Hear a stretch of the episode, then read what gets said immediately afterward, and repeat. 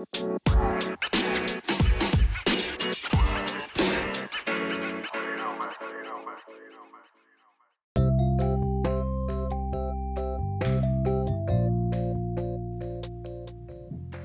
cek satu dua tiga satu dua tiga.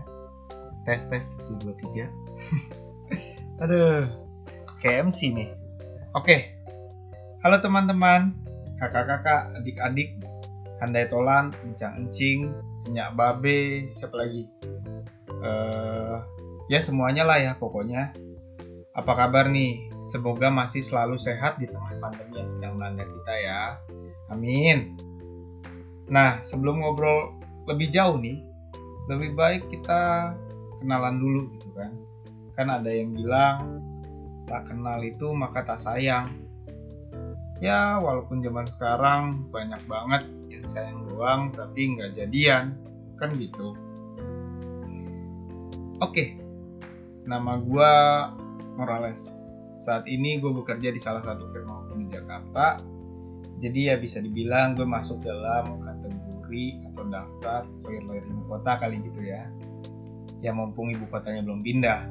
Karena kalau udah pindah ya beda cerita.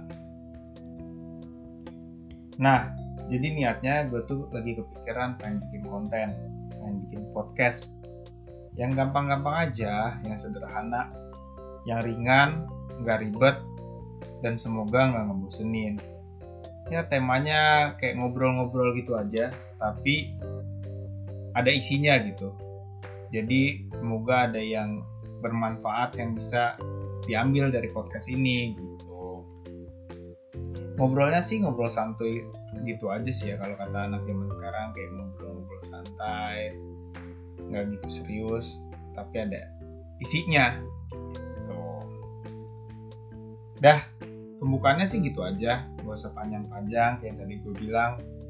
Gue pengen podcast ini nggak ngebosenin gitu gue takut semenit dua menit kalian dengar kalian bosen kalian skip atau bahkan yang paling parah di close gitu kan. Nggak ada yang dengar cuma dong hilang manfaatnya. Nah untuk tema pertama di podcast gue kali ini gue pengen ngebahas sesuatu yang apa ya yang sangat dekat lah sama kehidupan kita sehari-hari. Gue pengen ngobrol-ngobrol tentang duit tentang uang. Zaman sekarang gini siapa sih yang nggak kenal sama duit. Siapa sih yang nggak butuh sama duit? Siapa sih yang nggak suka sama duit? Ya emang sih nanti akan ada yang bilang ya tapi kan uang bukan segalanya gitu ya. Ya itu betul juga uang bukan segalanya. Tapi kan zaman sekarang apa-apa itu pakai duit gitu. Mau belanja online pakai duit mau jalan-jalan pakai duit sakit aja kita harus keluar duit gitu. Nah karena pentingnya duit ini karena uang itu begitu krusial dalam kehidupan kita sehari-hari kita tuh harus bijak gitu gunain uang tuh. Jangan sampai kita kekurangan duit lah gitu. Nah, gimana langkah-langkahnya, gimana caranya kita biar bijak menggunakan uang itu yang akan menjadi tema di pembahasan pertama podcast gue ini. Gitu. Jadi nanti kita akan lebih fokus eh, misalnya cara-cara nabung gitu atau investasi atau reksadana kah atau macam-macam deh pokoknya kalau zaman sekarang kan e, banyak nih pilihannya gitu. Nah, biar obrolannya lebih bermutu sedikit gitu kan, mengingat kalau gue yang ngomong takutnya diragukan kredibilitasnya, mengingat gue juga bukan dari latar belakang yang belajar tentang keuangan gitu kan. Juga juga kerjanya sehari-hari juga bukan di bidang keuangan. Untuk itu untuk tema kali ini untuk pembahasan kali ini gua akan temenin sama seseorang nih. Nah seseorangnya ini orang yang cukup familiar untuk urusan investasi di zaman sekarang. Di era milenial inilah dia kayak udah pakem banget lah gitu. Karena kan uh, agak beda nih mungkin investasi 10 tahun kemarin sama investasi beberapa waktu belakangan ini dengan perkembangan teknologi gitu kan. Nah nanti yang bakal nemenin gue ini dia cukup familiar dengan metode-metode nabung zaman sekarang kayak gimana sih? Reksadana zaman sekarang kayak gimana sih?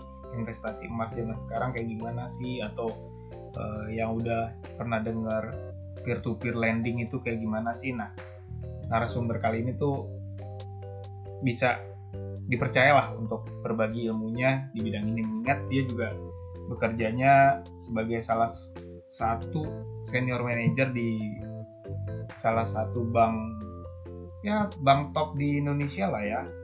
Terus dia juga hobi nulis. Kalau nanti nanti kita bisa tanya uh, tulisan-tulisan dia tentang investasi-investasi uh, di zaman milenial ini.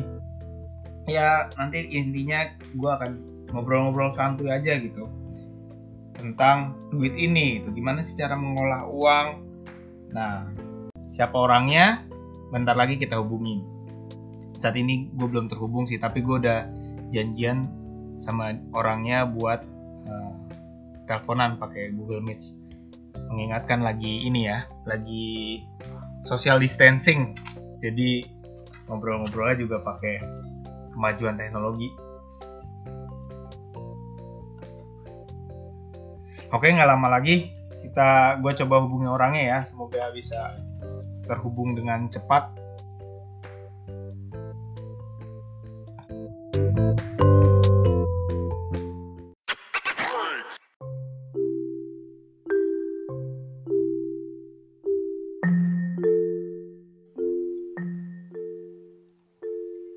ini kita lagi coba hubungin uh, narasumber kita ya, yang akan berbagi Coba tes. Halo? Udah masuk belum?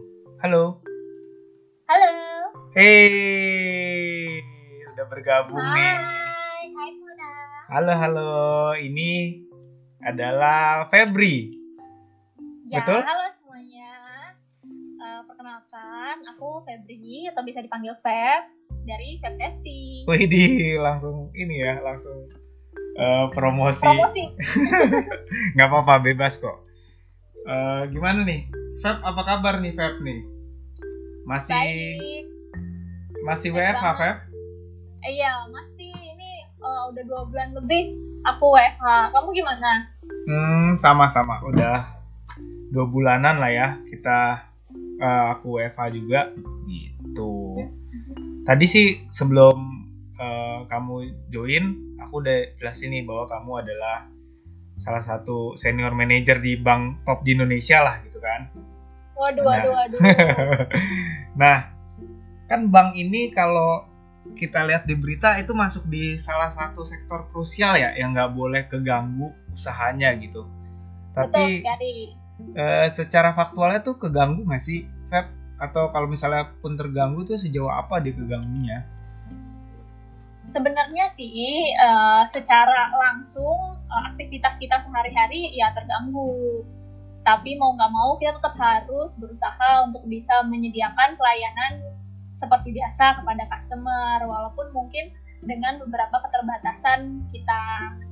Hmm, jadi eh, kalau tanya keganggu atau enggak ya sebenarnya keganggu juga ya dengan adanya eh, pandemi ini, dengan adanya PSBB ini gitu ya.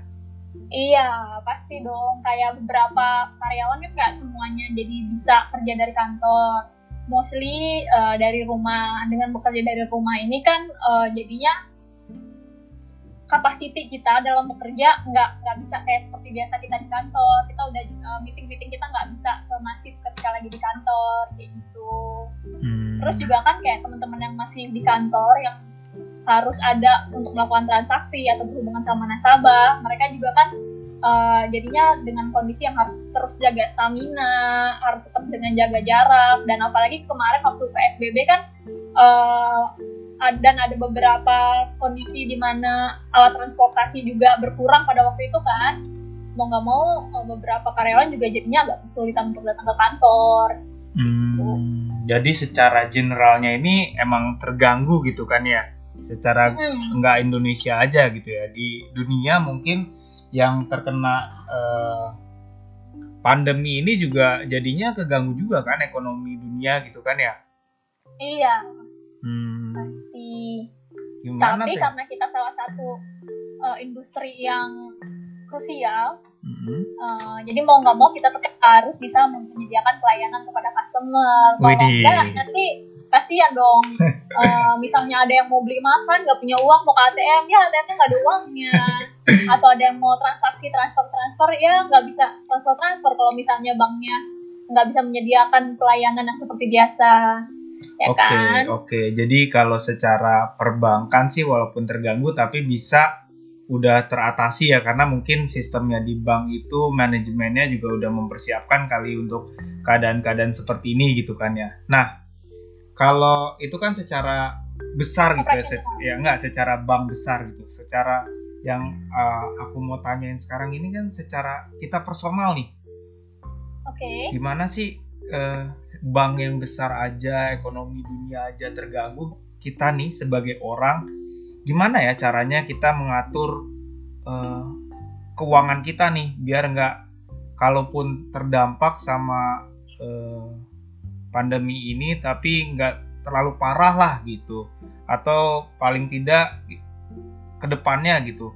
Ke depannya kalau kita sampai amit-amit kejadian kayak gini lagi kita udah bisa siap gitu. Eh, Oke. misalnya ya nih misalnya kan kalau sebelum pandemi ini kita lihat online shop mungkin tangannya gatal gitu belanja belanja gitu kan. Tapi Hmm. dengan adanya corona ini dengan adanya pandemi ini mungkin apa sih yang bisa jadi pelajaran buat kita gimana sih cara self control kita biar menggunakan uang ini dengan bijak gitu. Oke, oke. Eh, jadi aku eh, balik lagi ya eh, tadi kalau di secara industri sendiri di perbankan nggak sebenarnya nggak cuman secara operasionalnya aja yang terganggu, tapi eh, sebesar perbankan aja industri perbankan itu eh, in terms of profit dan bisnisnya mereka juga terganggu. Jadi Hmm. eh, dalam hal pemasukan profitnya mereka itu juga menurun Mm-mm. itu untuk bahkan itu untuk sebuah perusahaan yang besar ya yang udah Mm-mm. multinasional. Nah, apalagi kita yang hanya serbuk marimas ini, otomatis kita akan kondisinya pastinya lebih terguncang lagi kan Mm-mm. dengan adanya kondisi yang saat ini. Serpihan rengginang ini pasti kocar kacir gitu kan. Iya, betul banget. Nah, Nah, jadi eh, paling eh, kita harus mulai eh, ngatur eh, keuangan kita. Nggak cuma untuk saat ini tapi juga untuk seterusnya ke depan. Supaya uh, keuangan kita tuh uh, terus berkelanjutan. Kondisi jadi kayak ibaratnya uh, sebuah negara ini kan mereka uh, se- selalu sibuk untuk mengurusi gimana sih biar perekonomiannya stabil. Mm-mm.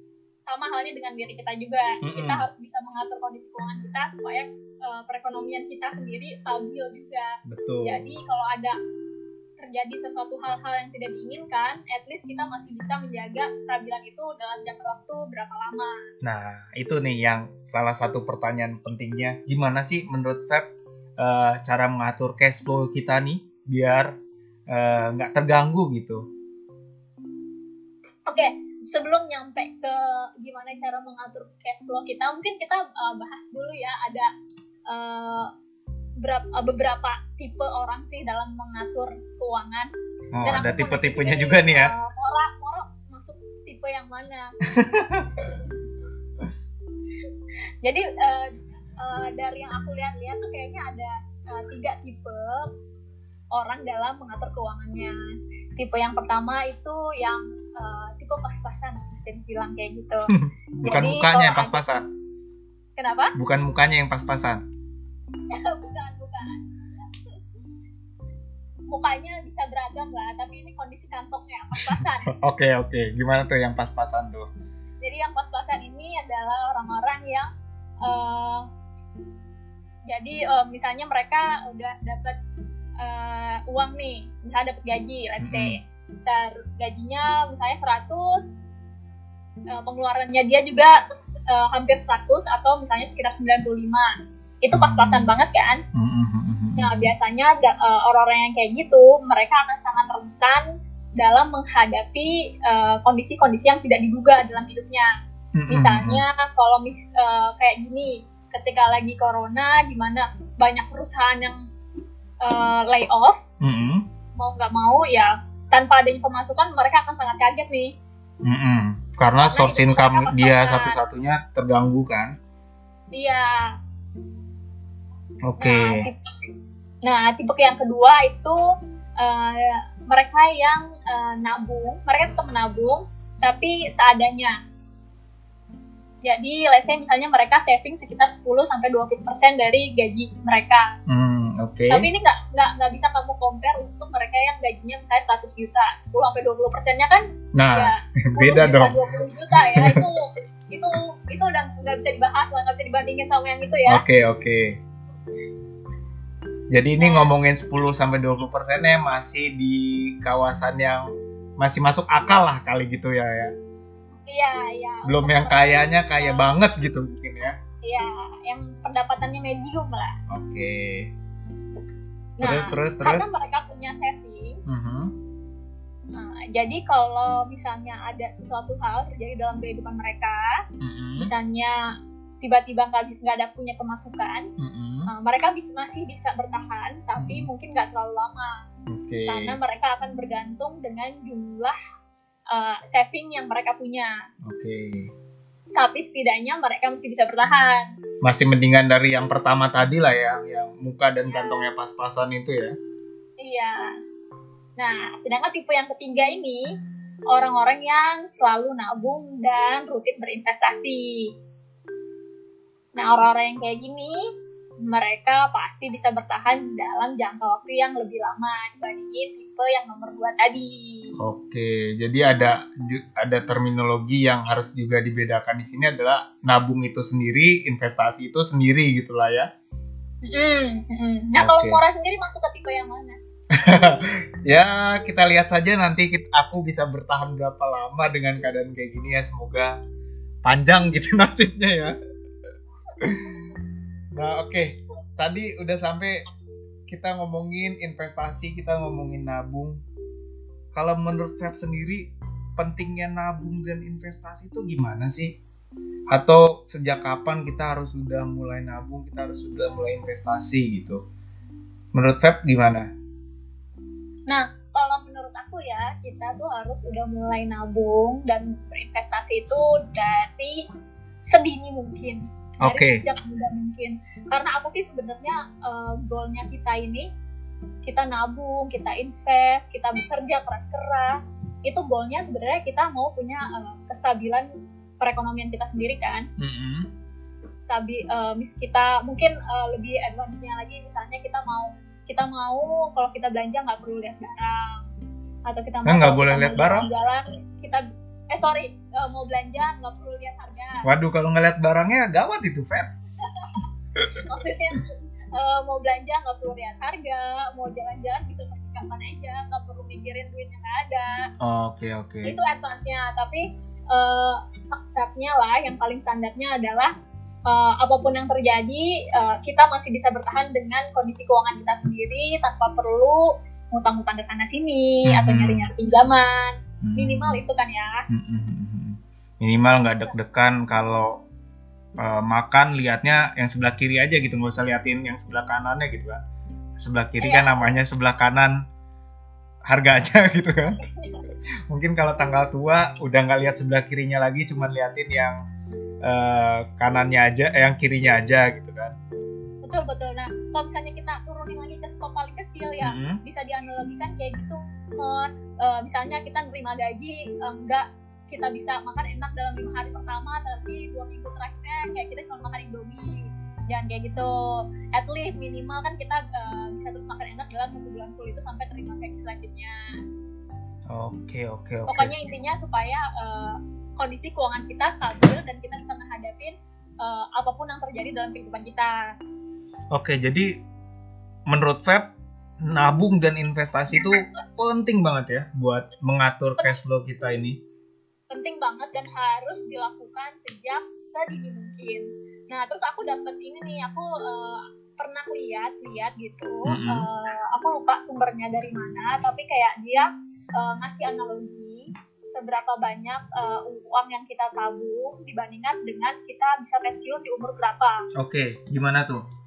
Nah, aku ambil uh, level tertingginya aja ya. Mm -hmm. Jadi kalau misalnya kita uh, nab- menabung dan menginvestasikan 70% dari uh, gaji kita, uh, menurut dia itu kita akan bisa pensiun di umur 35. Oke, itu startnya dengan asumsi kita umur berapa tuh startnya? Wah, itu aku agak lupa juga tuh. Oh, Uh, tapi sedini mungkin lah ya. sedini mungkin ya, tapi sedini mungkinnya nggak mungkin di bawah 20 deh. Oke, anggaplah kita lulus di umur 21, 22, kerja mungkin di umur 23 start dari segitu kali ya. Iya, Oke, bisa dibilang seperti tapi itu. 70% sih cukup berat gitu kali ya buat kalau buat fresh grade. fresh grad mungkin kalau yang masih tinggal sama orang tua kayak dia nggak perlu um, mengeluarkan uang untuk sewa tempat tinggal Hmm, banyak mengeluarkan uang untuk makan Oke, oke. Hmm, Dan gaya hidupnya nggak berlebihan gitu ya. ya betul Kalau buat Mungkin yang masih muda dan pengen pensiun dini di umur 35, nah mulailah tuh pikirin gimana kalian eh, bisa invest dan nabung 70% dari eh, gaji kalian gitu. betul Betul nggak? betul Oke. nah kalau misalnya dirasa berat nih 70% kita turunin ke 50% Mm-mm. Uh, jadi kita menabung sekitar 50% dari gaji kita Hmm. diperkirakan itu kita bisa pensiun di umur 40 Oke. Jadi karena persentasenya diturunin, tapi jadi butuh waktu lebih banyak lagi gitu ya untuk. butuh waktu lebih lama ya Mm-mm. Betul. Oke. Nah, uh, mungkin kalau le- lebih banyak orang yang bisa achieve kali ya kalau untuk 50% dari income kita Mm-mm. dan mungkin bisa dibandingin juga kalau misalnya kamu uh, menabung lebih kecil lagi dari 50%, mungkin uh, kamu akan butuh waktu lebih banyak lagi. Oke, jadi intinya Lebih adalah semakin sampai ke pensiun. Oke, semakin banyak ditabung, semakin banyak diinvest, semakin cepat kalian bisa eh, sampai di titik nanti pensiunnya lebih cepat gitu. Ibaratnya da- secara keuangan lebih free gitulah ya. Iya. Oke, Betul. jadi udah Nah, tapi ada ada satu hal nih yang menurut aku eh, banyak orang yang eh, salah tanggap dengan eh, menabung. Mm-mm. Misalnya nih, eh, tadi kan misalnya kita ambil contoh yang 50% dari income Mm-mm. itu ditabung misalnya. Oke. Misalnya terus eh, eh, si A gajinya 10 juta nih sebulan. Mm-mm. Dia nabung eh, 50%-nya berarti 5 juta ya. Oke. Sebulan 5 kali 12 itu 60. 60 juta. 60 juta setelah 5 tahun berarti berapa tuh? 300 juta. 300 juta. Kesalahan kebanyakan orang adalah misalnya setelah 5 tahun dia beli rumah dengan harga lima- 500 juta. Hmm. Eh dengan harga 300 juta. Kesalahannya gimana tuh? Nah, karena seharusnya uang yang kita ditabungkan tadi 50% itu Mm-mm. bukan untuk kita spending untuk Oh. membeli sesuatu yang kita Oke, oke. Tapi si 50% yang kita spend yang kita tabung tadi Mm-mm. atau misalnya setelah lima tahun itu ada sekitar 300 juta tadi, Mm-mm. itu harusnya kita investasikan supaya si uang 300 juta itu bisa menghasilkan income yang lain. Oke, justru menjadi source income yang lain selain gaji gitu ya. Betul. Oke, oke, oke. Jadi eh, itulah pentingnya nabung dan investasi ya. Mm-mm. Nah, itu kan tadi Feb udah jelasin nih pilihan eh, pentingnya nabung dan investasi nih Feb ya. Mm-mm. Nah, kalau sekarang itu buat eh, milenial atau buat siapa pun lah yang mau baru mau mulai menabung bahkan mau baru mau mulai investasi. Nah, sekarang pilihannya apa aja sih?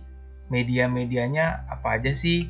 Banknya apa aja kah atau eh, apalah yang bisa kita gunain buat eh, nabung dan investasi itu gitu. Karena kan sekarang teknologi udah berkembang nih. Mm. Yang aku tahu udah lebih mudah kalau orang mau investasi dan nabung gitu.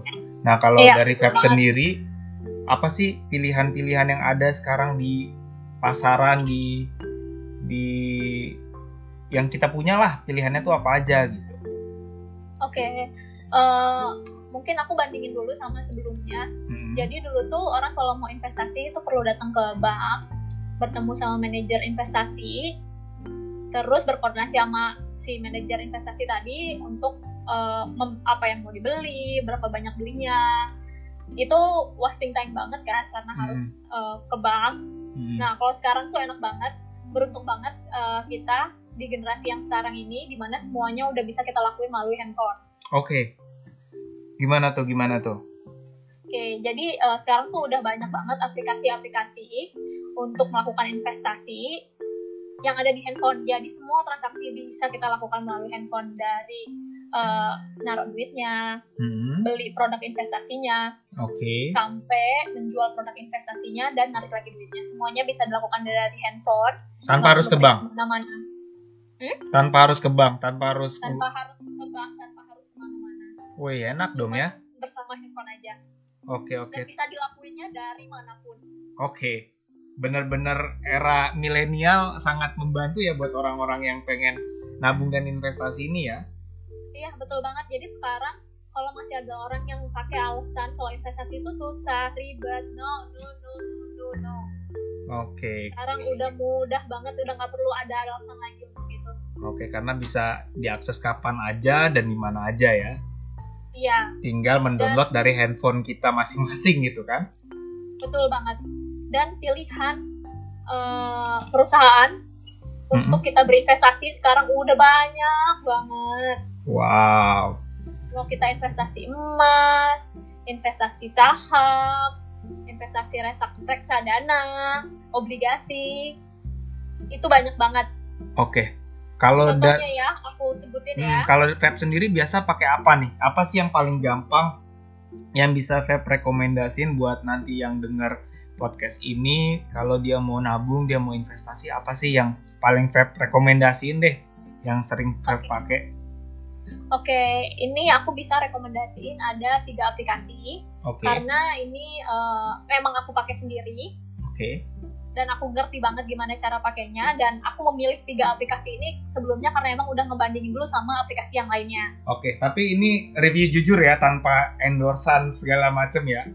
Oh, ini totally jujur. Oke, review jujur. Jadi kalau yang suka follow Testy harusnya udah tahu hashtag review jujur ya. Ya, betul. Oke. Jujur. Yuk, apa aja Feb yang di rekomendasi ini? Oke, yang pertama itu iPod. iPod itu miliknya Indro Premier. Mm-mm. Nah, iPod ini di kamu bisa akses langsung di HP atau di laptop juga. Oke. Kalau di laptop nggak harus download berarti ya, bisa Nggak, websitenya. nggak perlu download ya, Oke. punya website. Kalau di HP kamu perlu download aplikasinya sendiri. Oke. Nah, si- di dalam iPod ini kamu bisa berinvestasi reksadana, Mm-mm. saham, dan obligasi. Oke. Langsung dari dan situ masih ada ya. lagi yang lainnya, tapi aku belum pernah nyoba. Aku baru coba yang tiga itu aja. Mm-mm. Jadi eh, menurut aku iPod ini kayak eh, satu platform yang benar-benar dia komplit banget. Mm-mm. komplit banget baik dari jenis investasinya maupun produk investasinya. Mungkin kalau saham dan obligasi produknya akan sama dengan yang lain, tapi untuk reksadana alasan kenapa aku pilih iPod waktu itu adalah karena di dalamnya iPod itu eh, paling banyak jenis reksadananya. Oh, banyak pilihannya ya. Tapi kalau pilihannya banyak gitu nanti buat pengguna baru bikin bingung nggak ngelihatnya dia? Iya, bisa dibilang kayak gitu. Untuk pengguna baru itu akan sedikit bingung karena tampilannya iPod itu eh, mungkin lebih untuk orang yang advance karena dia parameternya sangat banyak banget di dalamnya. Mm-mm. Jadi kalau mau kalau mau filter-filter berdasarkan apa pun itu dia banyak dia banyak banget di dalamnya. Tapi ada satu aplikasi lagi yang mungkin kayaknya lebih cocok untuk pemula. Oke, ini mungkin buat yang uh, baru mau mulai nabung, baru mulai investasi lebih cocok ya. Iya, Itu yang itu namanya Bareksa. oke, Bareksa. Bareksa juga bisa di laptop dan handphone? Bisa. Oke, jadi kalau mau download biar lebih gampang transaksinya bisa langsung ke handphone atau kalau mau lihat tampilan yang lebih luasnya gitu bisa dari laptop gitu ya. Mm, betul banget. Oke, yang ada Tapi di Bareksa apa aja di? Bareksa ini dia nggak ada saham. Oke. Dia cuma ada reksadana, obligasi dan emas. Oke, jadi nabung emas juga gitu apa investasi emas juga gitu ya? Iya betul. Investasi emas. Oke, Kak. Itu. Kalau Tapi yang mungkin kamu nggak akan bisa dapetin si logam mulianya Mm-mm. kalau di Bareksa karena itu eh, bentuknya digital. Jadi kita beli di harga eh, jualnya mereka, nanti Mm-mm. kita jual di harga belinya mereka. M- Mungkin kita akan dapat untungnya itu dengan eh, spreadnya itu. Oke, jadi eh, kita kalau di Bareksa itu kalau yang investasi emas itu kalau nanti ada teman-teman yang buka aplikasinya itu bukan berarti kita dapat fisik emasnya gitu ya. Jadi kita cuma lihat angkanya bahwa kita punya sekian gram emas nih gitu ya. Betul betul. Oke, dan nanti eh, dapat untungnya itu misalnya hari ini kamu beli di angka 500.000 ribu gitu misalnya. Mungkin eh, tahun depan kamu lagi butuh uang, kamu jual emasnya, ternyata emasnya udah di harga 800.000 ribu misalnya sekarang gitu ya. Mhm. Itu gitu. Jadi cara dapat untungnya dari situ ya, dari Iya betul. Nilai Jadi transaksi jual belinya hanya bisa dilakukan di dalam Bareksa. Oh, oke oke oke tanpa dapat fisik emas ya. Nanti jangan sampai habis ada denger ini dia beli emas di Bareksa dia minta fisik emasnya jangan kayak gitulah ya. Iya. Oke oke. Terus Bisa. ada yang lain lagi? Tadi katanya ada tiga. kelebihannya dari Bareksa ini mungkin eh, Oh, masih kelebihannya, oke. tampilannya lebih simple Oke lebih simpel dibandingkan. dengan iPod. Oke. Parameternya Bareksa nggak terlalu banyak, tampilannya sangat friendly dan buat yang pemula sangat pasti begitu login ini gampang banget untuk ngertinya. Oke. Tapi aku saranin kalau misalnya udah eh, cukup mengerti dengan di Bareksa lebih baik pindah ke iPod. Oke. Di iPod tapi dia lebih complicated secara tampilannya. eh, tapi keuntungannya adalah produk yang dijual lebih banyak ya. Produk investasinya lebih banyak ya. Iya. Dan dia juga eh, bisa ada investasi saham. Jadi jenis investasinya lebih komplit. Oke, jadi kalau di iPod kalau aku breakdown dia eh, dia ada saham, ada reksadana, ada obligasi juga gitu ya. Betul. Sedangkan kalau di Bareksa dia cuma ada reksadana dan emas tanpa saham. Tanpa saham. Oke. Reksadana, obligasi dan emas di Bareksa. Oh, obligasi ada juga di Bareksa ya. Ada juga. Oke, oke. Dengan tampilan yang lebih simpel. Jadi buat teman-teman yang baru mau belajar, mungkin bisa ke Bareksa dulu gitu ya. Mm-mm. Oke, terus apa lagi nih, Feb? Yang Nah, Feb rekomendasiin? enaknya dari iPod dan Bareksa ini, kalau kamu mau daftar, Mm-mm, itu nggak perlu repot-repot nelfon, nggak perlu repot-repot datang ke kantornya, mm-mm. cukup dari HP, foto muka kita, foto KTP kita, foto NPWP kita, masukin data diri kita, nunggu satu hari, terverifikasi, beres. Oke, jadi sesimpel itu ya, tinggal upload sana sini, upload foto, selfie, tunggu diverifikasi, begitu lolos verifikasi, langsung bisa mulai nabung dan investasinya gitu ya. Betul. Tanpa Oke. perlu pergi ke mana-mana. Kamu bisa ngelakuin itu dari rumah. Oke, sekarang udah banyak banget pilihannya. Jadi eh, buat orang-orang yang masih familiarnya cuman sama deposito aja itu udah so couple years ago gitu lah ya. Iya, betul. Oke, oke, oke. Terus apa lagi nih? Tadi kan katanya ada tiga baru iPod Iya. sama Bareksa. Betul. Nah, yang terakhir ini eh, sangat berbeda dengan iPod dan Bareksa. Mm-mm. Kenapa? Karena ini eh, jenis investasi eh, lebih baru lagi bisa dibilang. Mm-mm. Itu namanya eh, peer-to-peer lending. Oke, P2P lah ya. Biasa P2P. Ka- kalau yang lebih familiar P2P gitu ya. Peer to peer. Itu apa tuh? Gimana tuh? Sebelum menjelaskan aplikasinya mending eh, bahas dulu apa sih Jelasin metodenya kayak gimana ya? mm-mm, apa sih? ya. peer to peer lending tuh apa sih gitu? Oke. Nah, jadi peer-to-peer lending ini itu ibaratnya seperti kayak kita minjemin duit sama teman kita, tapi nggak perlu uh, takut-takut untuk minta duitnya balik. Kebiasaan nih orang-orang yang minjem duit tapi kalau ditagih lebih galak gitu ya. Iya. Jadi sistemnya sama sesimpel itu. Ada orang yang butuh butuh uang, Mm -mm. dia langsung ngelisting di dalam uh, aplikasi peer-to-peer lending ini, Mm-mm. dan ada orang yang kelebihan uang yang mau meminjamkan dengan Oke. imbalan bunga. Oke, jadi kita pinjemin uang orang yang butuh, nanti kita expect-nya adalah kita dapat eh, uang kita plus bunganya gitu ya. Mm-mm, betul. Jadi, uh, oke. Uh, jadi yang aku rekomendasikan untuk peer-to-peer lending ini adalah Coinworks. Sebenarnya ada banyak banget selain Coinworks itu, uh, Mm-mm, tapi mm-mm. aku uh, lebih rekomendasi. Aku pertama kali pakai itu langsung Coinworks. Kenapa? Karena dia uh, kalian udah bisa langsung investasi hanya sekecil 100 ribu. Oke, startnya dari 100 ribu gitu ya? Yap. Oke, jadi nggak ada alasan lagi kalau misalnya ah investasi mahal nih, gitu kan? Tapi ternyata dengan 100 ribu aja udah bisa minjemin duit ke orang yang butuh gitu ya? Iya, dan dapat return atau pengembalian uang atau bunga yang jauh lebih besar daripada kita naruh uang di deposito. Hmm, perbandingannya tuh kira-kira gimana tuh? Feb? Perbandingannya ya, Mm-mm. eh, ini mau kita bandingin sama deposito. Iya, uh, deposito konvensional kan yang biasa kita uh, tahu di angka misalnya 4,25 atau sampai bahkan maksimal mungkin 5 kali ya sekarang ya. 5 persen ya. Eh, Rata-rata untuk eh, untuk kondisi sekarang ini ya karena BI rate-nya udah turun banget. eh, untuk bank-bank buku 4 kayaknya eh, 4 sampai 5, tapi Hmm. untuk eh, bank-bank buku 3, buku 2 mereka mungkin bisa masih ngasih 6 atau mungkin 7 tergantung jumlah berapa Oke. banyak uang yang At kalian least- simpen ya. Maksimum yang bisa kalian dapat dari deposito adalah paling bagus banget mungkin di angka 7% per tahun gitu ya. Iya, untuk kondisi sekarang ini. Mm-mm. Nah, eh, dan untuk untuk deposito kan biasanya ada minimumnya kan. Mm-mm, mm-mm, mm-mm. Gak bisa Biasanya. tuh kamu 100 ribu didepositoin. Iya, betul banget. ada yang terima. Heeh. Rata-rata mungkin kita kebanyakan tahu ada di 10 kali ya, di 10 juta gitu ya. Walaupun sekarang ada, mandiri. ada di 5 juga, 5 CMB juta, itu di 5 juta. Jadi tapi ya nggak mungkin 100 ribu juga kan?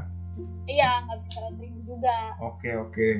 Jadi eh, pertama kekurangannya deposito itu membutuhkan eh, jumlah uang yang lebih banyak. Mm-mm. Yang kedua eh, returnnya atau interestnya juga eh, antara 5 sampai 7 itu udah bagus banget. Mhm. Sedangkan kalau di peer-to-peer lending ini returnnya, eh kamu bisa pertama kamu bisa eh, berinvestasi sekecil 100 ribu Mhm. dan return yang bisa didapat itu kalau untuk peer-to-peernya sendiri eh, paling kecil 14% Wow, paling ke 14% per tahun. per tahun ya. Oke, 14% per tahun dengan modal 100 ribu aja gitu ya. Iya betul. Oke, dia itu udah hampir dua kali lipatnya deposito yang saat ini terbilang tinggi gitu ya. Mhm. Oke, lumayan banget gitu ya. Dengan 100 Betul ribu banget. kalian bisa start eh, eh, investasi gitu, minjemin duit ke orang dan eh, kira-kira aman nggak sih? Tapi kita minjemin orang, sedang kalau tadi Spek bilang kan kita minjemin ke teman, kadang temennya galak gitu pasti tagih.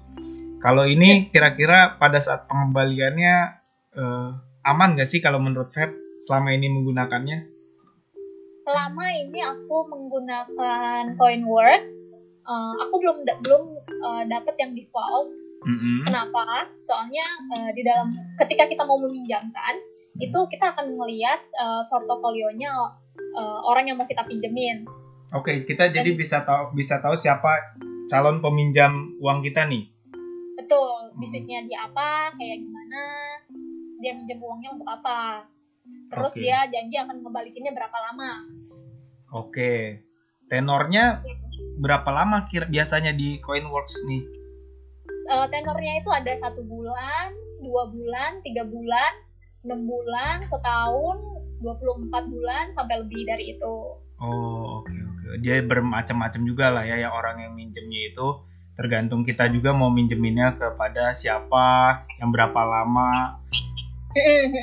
Dan sistemnya di Coinworks itu uh, kayak crowdfunding gitu. Jadi misalnya si orang yang si A misalnya dia yang membutuhin Mm-mm. membutuhkan pinjaman ini, Mm-mm. terus misalnya dia butuhnya lumayan banyak nih, let's Oke. say uh, 10 juta misalnya. Sedangkan kita nggak nggak punya uang 10 juta, kita cuma punya 100 ribu, Mm-mm. tapi kita mau minjemin. Bisa. Nah, kayak gitu. Iya, karena ntar dia akan ter- si yang mau pinjam yang membutuhkan uang ini dia akan mendapatkan dana dari banyak orang seperti kita yang mau minjemin. Oke, jadi Gitu. kalau kalau uh, aku coba bantu sederhanakan buat teman-teman yang dengar, jadi intinya tuh gini loh. Peer to peer lending di Coinworks ini adalah misalnya anggap si Andi mau minjem uang eh, 5 juta gitu. Tapi biar kalau dia minjem langsung ke satu orang kan kemungkinan satu orang itu akan keberatan gitu minjemin langsung 5 juta kan.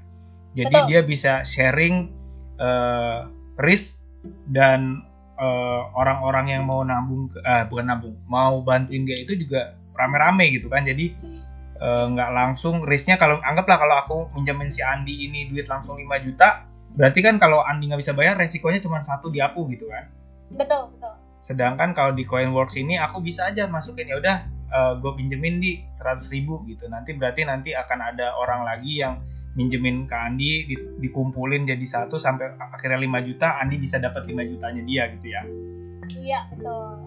oke deh Nah, dan si Coinworks ini dia punya sistem rating sendiri. oke Jadi si Andi nanti uh, sebelum dia dapat orang-orang yang bakal ngasih dia pinjaman, Hmm, si Andi bakal di rating dulu nih. Kira-kira dia ratingnya bagus apa enggak? Kalau oke. misalnya dia bagus, berarti uh, bisa dibilang dia lebih trustworthy gitu. Hmm, Kita bisa lebih percaya sama Andi.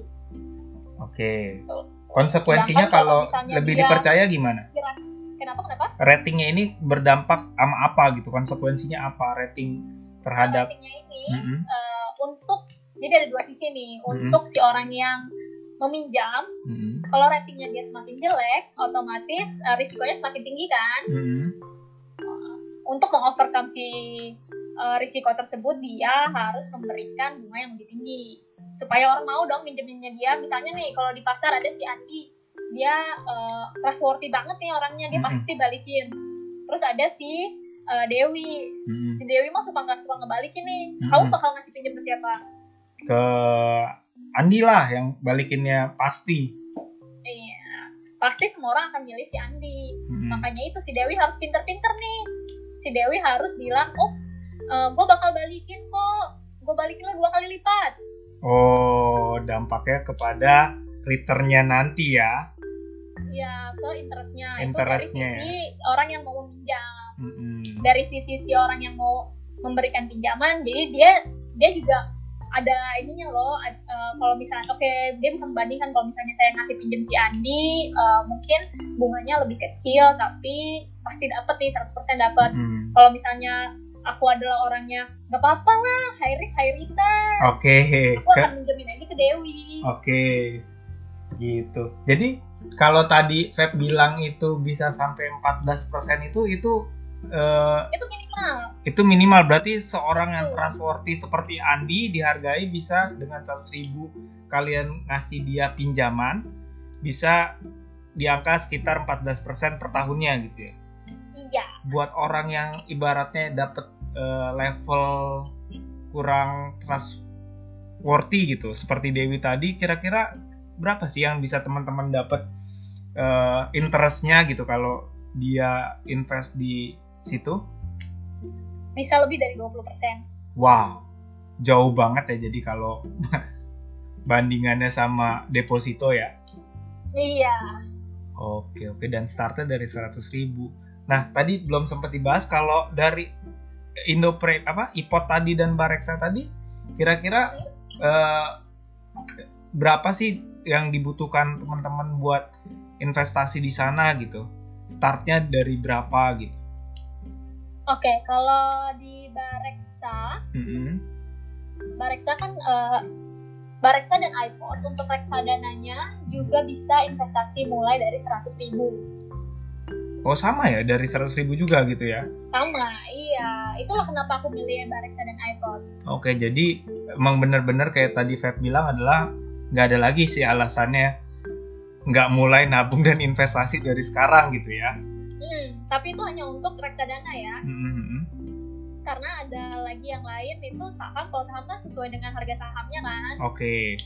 Obligasi biasanya kalau obligasi yang retail punya Hmm. pemerintah itu minimumnya satu juta. Oke. Dan kalau misalnya yang emas itu tergantung dengan eh, harga Harga emas emasnya pada saat itu ya? Hmm. Oke Atau tapi kayaknya kalau misalnya eh, investasi emas kayaknya bebas ya. Mau berapapun duit yang kita masukin kan ntar bakal ada 0,0 berapa gram emas kayak gitu kan. Oh, Apa jadi- gitu jadi- aja kan. buat eh, tambahan lagi buat teman-teman bahwa misalnya anggaplah harga emasnya saat hari ini 800 ribu tapi kalian cuma punya uang 400 ribu kalian bisa juga kan karena itu kalian nggak dapat eh, fisik emas ya jadi kalian bisa investasi emas harga 400 ribu kan jadi tinggal dihitung aja. 50 persennya berarti kalian punya setengah gram emas gitu kan ya 0,5 gram emas betul. iya oke oke oke jadi ya benar-benar eh, dipermudah ya zaman sekarang ini ya. Oke deh, makasih banget nih Feb nih Eh, ilmunya nih. Semoga teman-teman setelah denger ini jadi eh, sadar akan pentingnya nabung dan investasi sedini mungkin ya. Walaupun Dini kalau mungkin. misalnya udah eh, nggak dini lagi usianya, tapi kan eh, lebih cepat lebih baik ya. Jangan Betul, ditunda lagi gitu ya. Yap.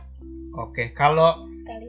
gini nih tadi kita udah pentingnya nabung udah pentingnya investasi udah Feb juga udah berbagi eh, aplikasi-aplikasi yang mempermudah itu semua gitu kan dari iPod, Bareksa, Coinworks. Sekarang masalah eksekusinya nih. Kira-kira menurut Feb deh, yang Feb Mhm. sarankan itu berapa sih persentasenya kira-kira ditabungnya itu, diinvestasinya itu, dipakainya buat sehari-harinya itu atau ditaruh di rekening darurat kalau punya itu kira-kira menurut Feb eh, alangkah baiknya itu kayak gimana sih gitu. Oke. Eh, aku nggak bisa ngasih standar balik baiknya kayak gimana ya. Mm-mm. Tapi itu kita balik lagi. Pertama kita harus eh, ngeliat dulu sebenarnya pemasukan kita berapa sih Mm-mm. setiap bulannya dari gaji atau kalau misalnya kamu punya pemasukan-pemasukan lainnya di luar dari gaji. Mm-mm. Terus kamu bandingin sama pengeluaran kamu setiap bulan. Oke, jadi Jadi Persentasenya ini- semua detail pengeluaran kamu tiap bulan. Oke, persentasenya ini sebenarnya nggak bisa dipukul rata ya, karena tadi yang Feb bilang, misalnya gaji orang 50 juta dibandingkan dengan gaji orang yang 10 juta kan eh, nggak adil gitu pembagian harus nabung 50 persennya gitu lah ya. Betul. Dan selain itu kan kebutuhan orang tiap bulan beda-beda. Hmm, oke Nggak oke sama. oke. Tapi segimanapun dia punya kebutuhan, Feb tetap ja- eh, saranin dia harus nabung dan investasi gitu kan ya. Betul. Oke. Itu harus banget gabung sama investasi. Oke deh kalau gitu. Tadi Feb sempat nyinggung bahwa ada penghasilan lain nih selain gaji. Yang tadi Feb bilang kan, kalau ada penghasilan lain selain gaji juga harus diperhitungkan. Kira-kira buat teman-teman nanti nih yang kepikiran apa sih yang bisa dia lakuin buat eh, menambah penghasilannya gitu. Jadi nggak cuma dari gaji aja atau nggak cuma dari tadi kalau misalnya udah bahas saham kan saham berarti kita berhak atas dividen gitu kan ya. Itu kan juga udah eh, another source income lagi kan. Nah, kira-kira buat Feb nih selain nabung dan investasi dan bekerja mendapatkan gaji kira-kira apa lagi nih yang bisa eh, dilakukan teman-teman biar menjaga eh, perekonomian masing-masingnya gitu. Oke. Sebenarnya sekarang sih eh, udah banyak banget di dunia yang digital sangat serba digital ini. Mm-mm, Udah banyak banget sumber income lainnya yang bisa kita dapetin. mm-mm, Misalnya dari jualan online atau ngambil job-job eh, freelance secara online mm-mm. atau misalnya eh, dari endorse jadi Mhm. influencer oh ataupun ya ya. yang didapat dari kalau misalnya youtuber itu kan eh, bisa dapat uh, income rutin juga dari YouTube-nya. Mm-mm. Nah, itu contoh-contoh yang uh, source income lainnya yang bisa kita dapat. Oke deh, jadi jangan berpatokan sama satu eh, sumber aja gitulah ya. Karena kan takutnya udah cuman source-nya cuman satu, eh, sumber pemasukannya cuman satu dan terganggu akibat pandemi seperti ini kan nanti seakan eh, nanti akan sangat berakibat sama eh, cash flow juga kan. Betul, betul. Tuh, oke deh, mulai paham nih. Makasih banget, Sep. Oh ya, gini deh. Biar lebih aktual lagi nih ya. Hmm? Tadi Feb juga sempat eh, nyinggung bahwa kita harus eh, mikirin pengeluaran tiap orang tuh beda-beda gitu kan ya. Mm-mm. Eh, terus juga tadi di awal kita juga bilang bahwa eh, pentingnya nabung, pentingnya self control, jangan eh, tahu-tahu buka online shop apa, gatel tangannya beli gitu kan. Itu kan juga bikin cash flow juga berantakan sebenarnya.